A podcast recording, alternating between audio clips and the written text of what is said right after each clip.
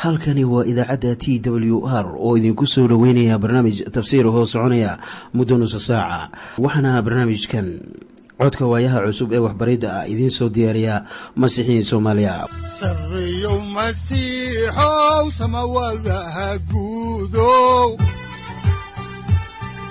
siraadkii adduunkow subanaha eebow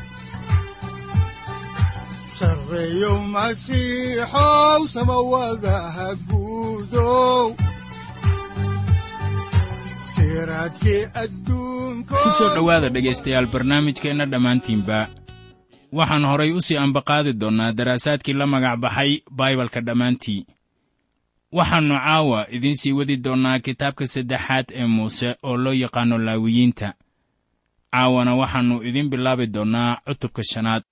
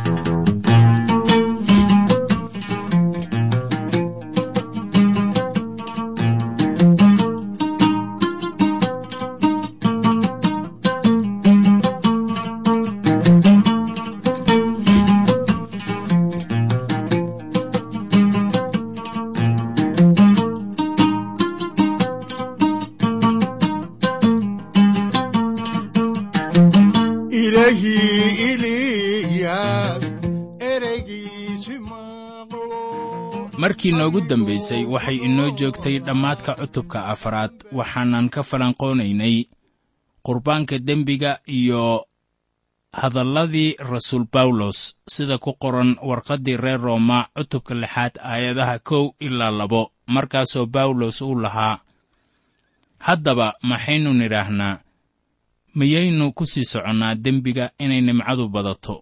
Yaanay noqon. Innagoo dembiga kala dhimannay sidee baynu mar dambe ugu dhex noolaannaa? Hadalladaas waxay tibaaxayaan in marka layna cafiyo ayan hagaagsanayn inaan haddana dembaabno waa inaannu ka dheeraannaa wax kasta ee dembi inoo keeni kara haatanse aynu toos u abbaarno kitaabka laawiyiinta cutubkiisa shanaad. Ragga ka faallooda cutubkan ayaa saddex iyo tobanka aayadood ee ugu horreeya cutubkan u nisbeeya inuu qayb ka yahay faalladii qurbaanka dembiga. Waxaanay tanu leedahay asbaab lagu baaritaaro oo weyn. Marka tarjumada ah xadgudub sida ku qoran aayadaha lix ilaa toddoba loo fasiran karayo eed oo taasna loo nisbaynayo eedda kan wax loogaya. Sida ku cad aayadaha lix ilaa toddoba iyo sagaal iyo kow iyo toban qurbaanka dembiga waxaa loo doonayaa xadgudubka waayo ficilka dembiga waxaa sababay dabeecadda dembiga dembiyada oo dhan waxay ka yimaadaan hal meel. Waa dabeecadda dembiga. Aniga iyo adiguba waxaannu dabeecaddaasi ka dhaxalnay aadan. Markaana faaska waa in la hoos dhigaa geedka salkiisa iyo geedaha midhaha leh. Wadaxaajoodkeennan ayaannu cutubkan oo dhan u nisbaynaynaa qurbaanka xadgudubka kelmadda ah xadgudub ayaa mararka qaar siyaalo kale loo fahmaa. Ha yeeshee macnaha hoose marka la eego tarjumadaha ayaan la odhan karin si hagaagsan baa loo tarjumay. Haddaba innaga oo dhan waxaynu garanaynaa calaamadda sheegaysa meelaha aan la mari karin ama socodka ka caaggan waxa ay ka micno tahay inaanan ku xadgudbin xuquuqda qofka kale. Kelmadda xorriyadda ayaa siyaabo aan hagaagsanayn beryaheenna loo isticmaalaa.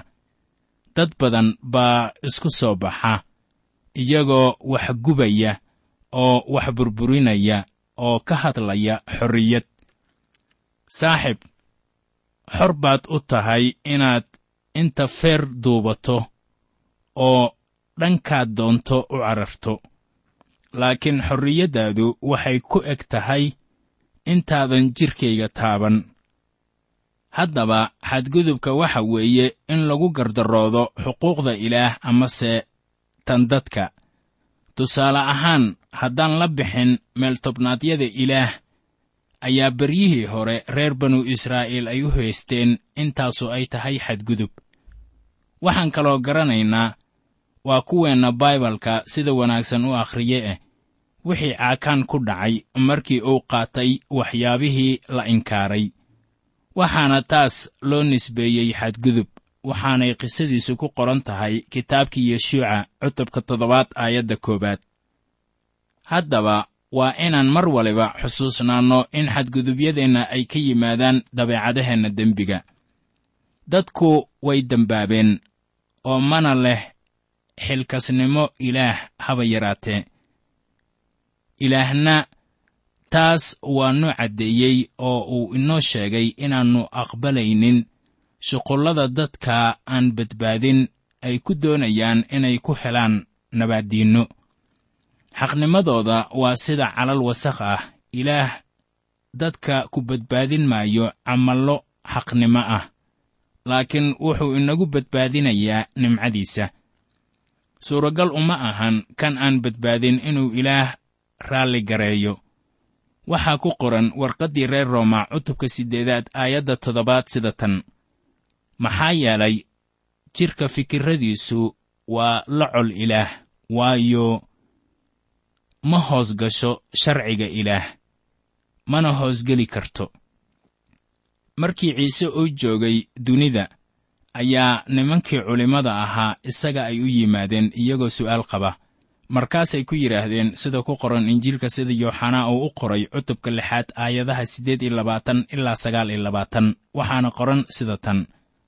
Maxaynu yeelnaa si aannu shuqullada ilaah u samayno. Ciise ayaa u jawaabay oo ku yidhi kanu waa shuqulkii ilaah inaad rumaysataan kii uu soo diray.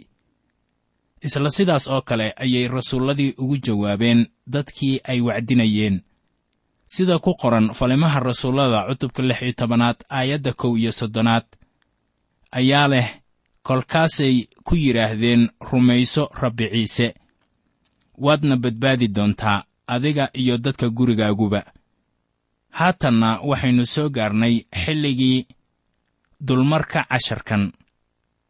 Qurbaanka xadgudubka iyadoo dembigu uu yahay ficilka waxay ku qoran tahay cutubka shanaad aayadaha kow ilaa lix iyo cutubka toddobaad. Haddaan soo koobno ee ficillada muuqda ee dembiga lagu gelayo kama'a ayaa waxay ku qoran yihiin aayadaha hal ilaa saddex iyo toban. Ficillada aan caddayn ee dembiga kama'a loo gelayo ayaa ku qoran aayadaha afar iyo toban ilaa sagaal iyo toban. Ficillada muuqda ee dembiga qasadka loo galo ayaa ku qoran cutubka lixaad aayadaha hal ilaa toddobo. Sharciga qurbaanka xadgudubka ayaa isna ku qoran cutubka toddobaad aayadaha kow ilaa toban. Haatanse aynu taas kaga gudubno maaddada ah allabariga ficilka dembiga kama'a loo galo ama loo sameeyo. Tirsiga halkan lagu sheegay ee dembiga ma ahan mid ina daalinaya waase mid inaga siinaya tusaale sida aan loo xisaabi karaynin waxyaabaha ku xidhiirsan dembiga. Waxaa jira dembiga shakhsiga oo aan ahayn kan ururka ama dadka badan. Badanaa qaybtan waxay qusaysaa sida looga soo kaban karayo dembiga mase ahaan cudurka dembiga sida wax loo qabanayo. Markaana waxaan arkaynaa in la adkaynayo nooca qurbaanka mase la adkaynayo dabeecadda kan qurbaanka bixinaya sida uu yahay qurbaanka dembigu. Haddaan markii ugu horraysay idiin bilowna xigashada cutubkan shanaad ee kitaabka laawiyiinta ayaa waxaa ku qoran aayadda koowaad sida tan. Haddii qof uu ku dembaabo cod dhaar ah oo uu maqlay oo uu isagu mara ka yahay hadduu arkay iyo hadduu gartayba hadduusan sheegin waa inuu dembigiisa qaataa. Waxaan mar kale idinku leeyahay afarta dembi ee la cayimay oo halkan ku qoran waa tusaale un. Waxaan u malaynayaa in dadku ay buuxin karaan ama wax ku dari karaan haatan dembiyada lagu sheegay kitaabka laawiyiinta. Waa haddii ay magacaabaan dembiyadooda eh. Waxaan garanayaa nin wacdiye ahaa oo sheegay ama cayimay siddeed boqol oo nuuc oo dembi ah kuwaasoo uu dareemay in dadku ay samayn karaan. Markaasaa waxaa loo soo diray waraaqo ka imaanaya dad doonaya inay arkaan inta dembigu u yahay. Waxay la ahayd inay jiraan dembi laga booday siddeedan boqol ee uu wacdiyuhu sheegay. Dadka qaar baa waxay yimaadaan kiniisad iyadoo ay la tahay in gacmahoodu daahir yihiin oo ay la tahay inayan waxba xadin oo ay waxba dilin. Laakiinse dhegayso waxa uu leeyahay rasuul yacquub sida ku qoran warqaddiisii cutubka afaraad aayadda toddoba iyo tobanaad waxaana qoran sida tan. Haddaba kii garanaya inuu wax wanaagsan sameeyo laakiin aan samayn dembi bay u tahay isaga boqor sulaymaan ayaa ilaah baryey isagoo ka qoomamaysan arrinka ah. Kuwa aan runta sheegaynin marka markhaatigana laga doonayo inuu runta ku hadlo. Xaalkan wuxuu ku qoran yahay boqorradii koowaad cutubka siddeedaad aayadaha kow iyo soddon ilaa laba iyo soddon waxaana qoran sida tan. Haddii nin deriskiisa ku dembaabo oo dhaar la saaro oo la dhaariyo oo intuu yimaado uu ku hor dhaarto meeshaada allabariga ee gurigan taal. Dee markaa samada ka maqal oo yeel oo addoommadaada xukun adigoo kii shar leh ciqaabaya si aad xumaantii jidkiisa madaxa uga saartid oo aad kii xaqa ahna xaq uga dhigtid oo aad ugu abaalguddid sida xaqnimadiisu tahay ha yeeshee markii masiixa la soo hortaagay wadaaddadii sare ayaa waxaa dhacday inuu markii hore diiday inuu la hadlo. Bal aynu eegno injiilka sida matayos uu u qoray cutubka lix iyo labaatanaad aayadaha saddex iyo lixdan ilaa afar iyo lixdan. Laakiin ciise waa iska aamusay kolkaasaa wadaadkii sare wuxuu ku yidhi ilaaha nool ayaan kugu dhaarinayaa ee noo sheeg inaad tahay masiixa oo ah wiilka ilaah iyo in kale ciise ayaa ku yidhi waa tiri. Hase ahaatee waxaan idinku leeyahay hadda dabadeed waxaad arki doontaan wiilka aadanaha oo fadhiya midigta xoogga ilaah oo ku imaanaya duruuraha cirka. Soo arki maysid markii la dhaariyey inaannu sii aamusnaan. Laakiin wuu markhaati furay. Wuxuu markaana sheegay runta oo dhan haddaan halkaasi ka sii wadno kitaabka laawiyiinta cutubka shanaad aayadda labaad ayaa waxaa ku qoran ama haddii qof taabto wax nijaas ah hadduu yahay bahal nijaas ah bakhtigiis ama neef xoolo ah oo nijaas ah bakhtigiis ama waxyaalo gurgurta oo nijaas ah bakhtigood haddii taasu ay isaga ka qarsoon tahay oo uu saas ku nijaasoobo markaas isagu wuxuu ahaan doonaa mid eed leh. Haddaba kani waa sharciga ku saabsan waxyaabaha aan daahirka ahayn oo nijaasta ah. Qofkuna wuxuu ku nijaasoobayaa haddii uu taabto xayawaanka xitaa haddii uusan ogeyn laakiin kuwa kale arkaan. Bakhtiga wuxuu dadka ka dhigaa nijaas. Haddii ay taabtaan maxaa taas sabab u ah waxaan sida abbaarta filayaa in taas loo yeelay asbaabo caafimaadka la xidhiidha awgood. Waxaa taas lagula hadlayaa masiixiyiinta maanta. Dunida kama bixi karayno innagoo daahir ah. Waa qasab in wax un ay na nijaaseeyaan.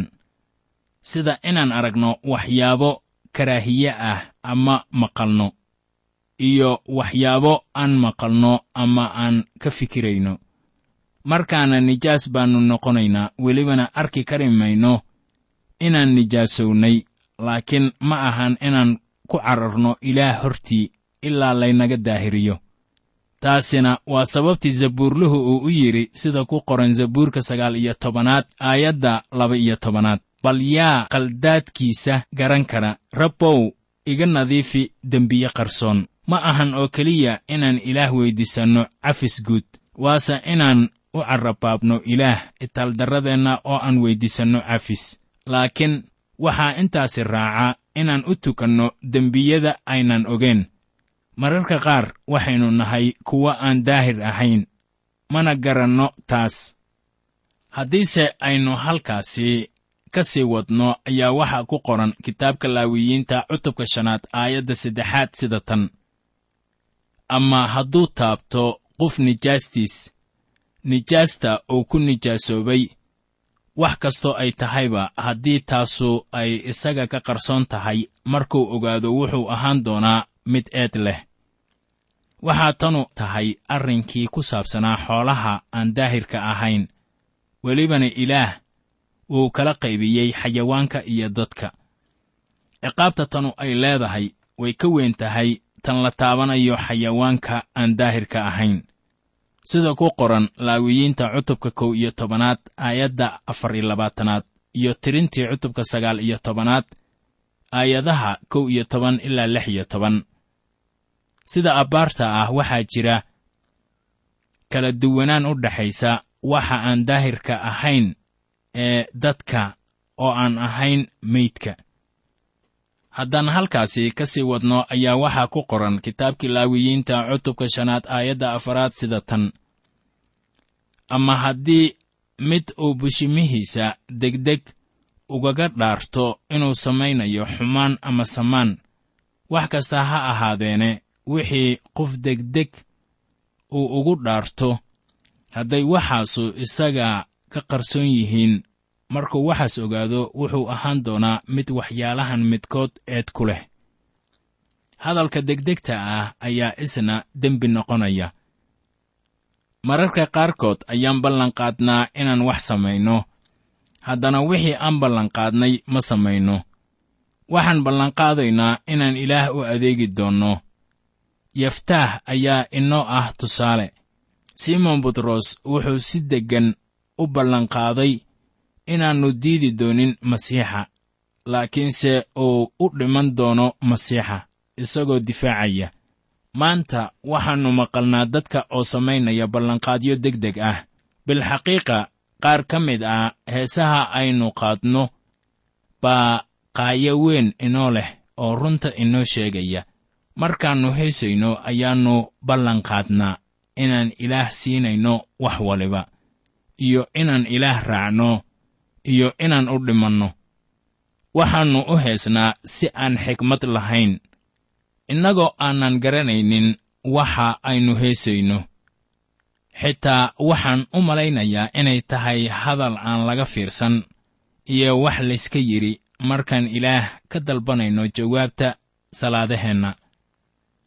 Waxaan mar waliba u baahannahay inaan xusuusanno salaadaheenna inay noqdaan kuwo waafaqsan doonistiisa. Haddaba marka la leeyahay wuxuu ku eedaysan yahay dembiyadaas midkood ayaa taasu ay ku saabsan tahay afarta waxyaalood ee halkan lagu qoray. Kuwo badan ayaa lagu daray sida aynu akhrinayno haatan. Markaan eegno kitaabka laawiyiinta cutubka shanaad aayadaha shan ilaa lix waxaa qoran sida tan. Oo markuu ahaado mid waxyaalahan midkood eed ku leh waa inuu qirtaa wixii uu ku dembaabay oo markaas waa inuu dembigii u dembaabay aawgiis rabbiga ugu keenaa qurbaankii xadgudubkiisa oo waa inuu ariga ka soo qabto neef dhedig ah oo ah nayl ama waxar oo qurbaan dembi ah oo wadaadku waa inuu kafaaragud ugu sameeyaa dembigiisii. Haddaan halkaasi ka sii wadno kitaabka laawiyiinta ayaa waxaa ku qoran cutubka shanaad aayadda toddobaad sida tan. Oo haddii lacagtiisu ayaan ugu filnayn inuu neef baraar ah keeno markaas dembigii u dembaabay aawadiis waa inuu qurbaankii xadgudubkiisa rabbiga ugu keenaa laba qooley ama laba xamaam oo yaryar oo mid qurbaan dembi ha ka dhigo midda kalena qurbaan la gubo. Waxa loo adkaynayo qurbaankan xadgudubka ma ahan astaanta amase jegada kan wax bixinaya laakiin qurbaanka qudhiisa ayaa la adkaynayaa laba qoley ayaa loo baahan yahay. Mid waxaa loo bixinayaa qurbaanka dembiga midna waxaa loo bixinayaa qurbaanka gubniinka. Qofnimada iyo shaqada masiixa ayaa halkan lagu matalayaa sida inuu yahay qurbaan saboolnimo ah. Kanina waa qurbaanka ay leeyihiin dadka saboolka ah ciise masiixna farxad buu ku wacdiyey masaakiinta. Waxaa haddaba ogaataa in lagu suntay qurbaanka dembiga waayo qurbaanka xadgudubka waxaa sabab u ah dabeecaddii dembiga lahayd.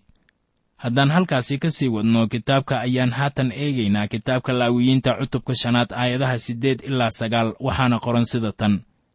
Iyaga waa inuu wadaadka u keenaa oo isna marka hore ha bixiyo tan qurbaanka dembiga ah oo madaxa ha ka maroojiyo laakiin waa inuusan kala dilaacin oo qurbaanka dembiga dhiiggiisa qaarkiis waa inuu ku rusheeyaa meesha allabariga dhinaceeda oo dhiigga intiisa kalena ha laga miiro salka meesha allabariga waayo taasu waa qurbaan dembi.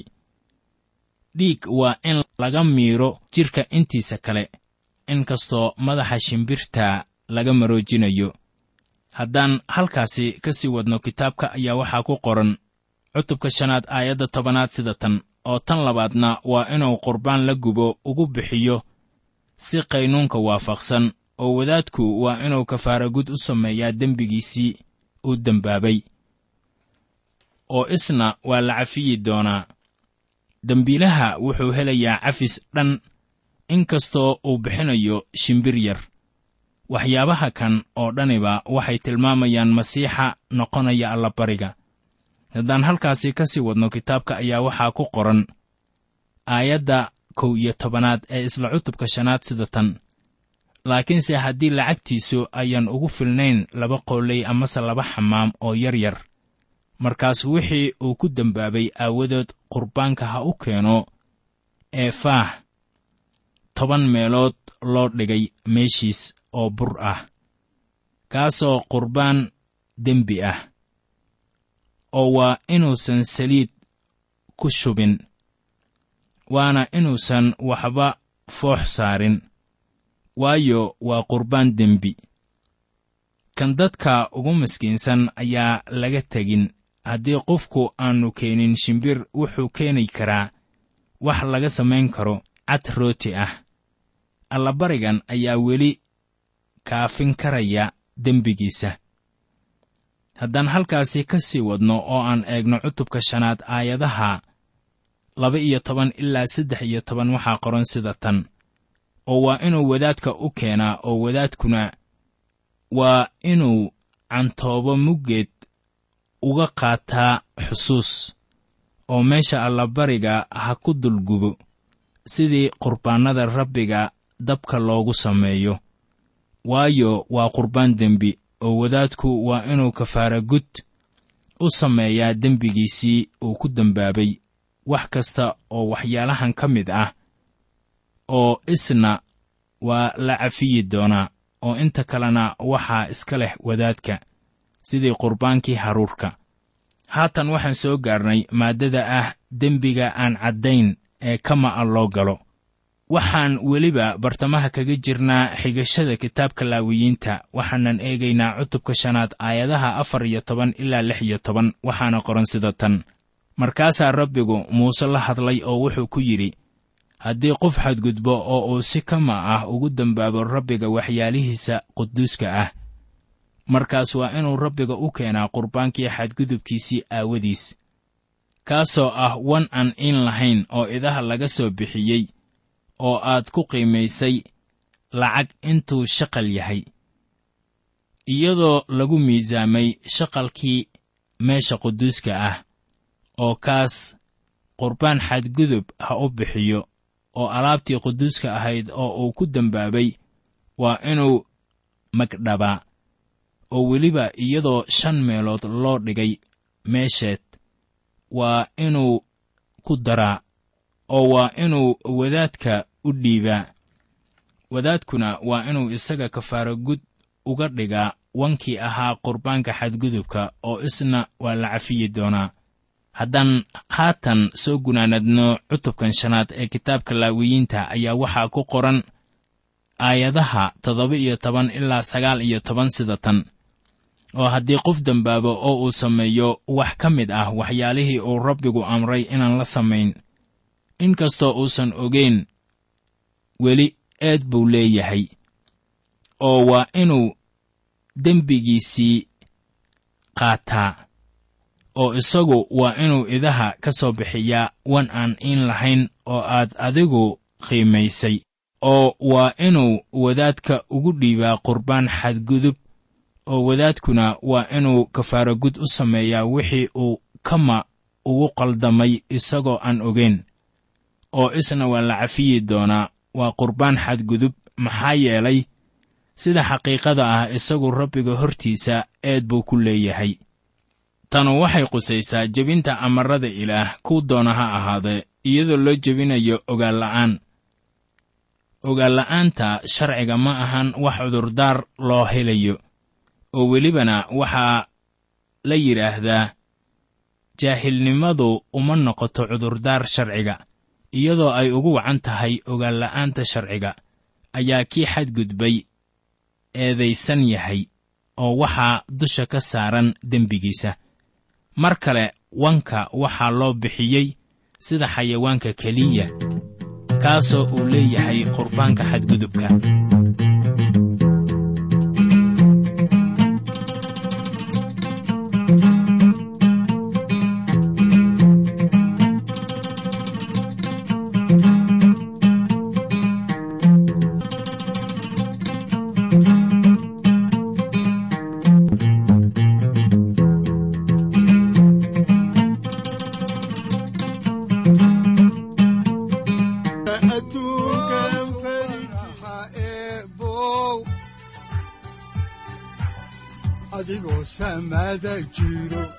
ifkan soo saldhiganba adigoo samada jiro ifkan soo saldhiganba kutubtiisanaye udbanogu saaciiday halkani waa t w r idaacadda t w r oo idinku leh ilaa ha idin barakeeyo oo ha idinku anfaco wixii aad caawi ka maqasheen barnaamijka.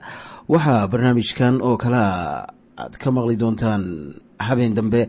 Hadahan oo kale haddiise aad doonaysaan in aad fikirkiina ka dhiibataan wixii aad caawi maqasheen ayaad nagala soo xiriiri kartaan som t w r at t w r c o k e haddii aad doonaysaan in aad dejiisataan oo kaydsataan barnaamijka ama aad mar kale dhegaysataan fadlan mar kale booqo www t w r o r g. Amase waxaad teleefoonkaaga ku kaydsataa ama ku download garaysataa agabyada. Ku sahli karaa dhegeysiga t w r haddii aad doonayso in laga kaalmeeyo dhinacyada fahamka kitaabka amase aad u baahan tahay duco fadlan fariimahaaga soo mari bogga aaraahda ama kommentska inana jawaab degdeg ah ayaanu ku soo diri doonaa amase ku siin doonaaye.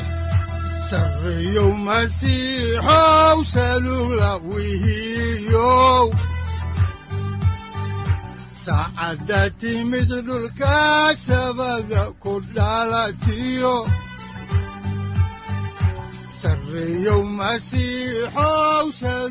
halkani waa t w r oo idiin rajaynaya habeen baraare iyo barwaaqaba leh. Inta aynu ka gaari doono wakhti aynu ku kulanno barnaamij la mida kan caawayay aad maqasheen. Waxa aan idinku leeyahay nabadda ciise masiix ha idinku badato xagga jidhka iyo ruuxaba. Aamiin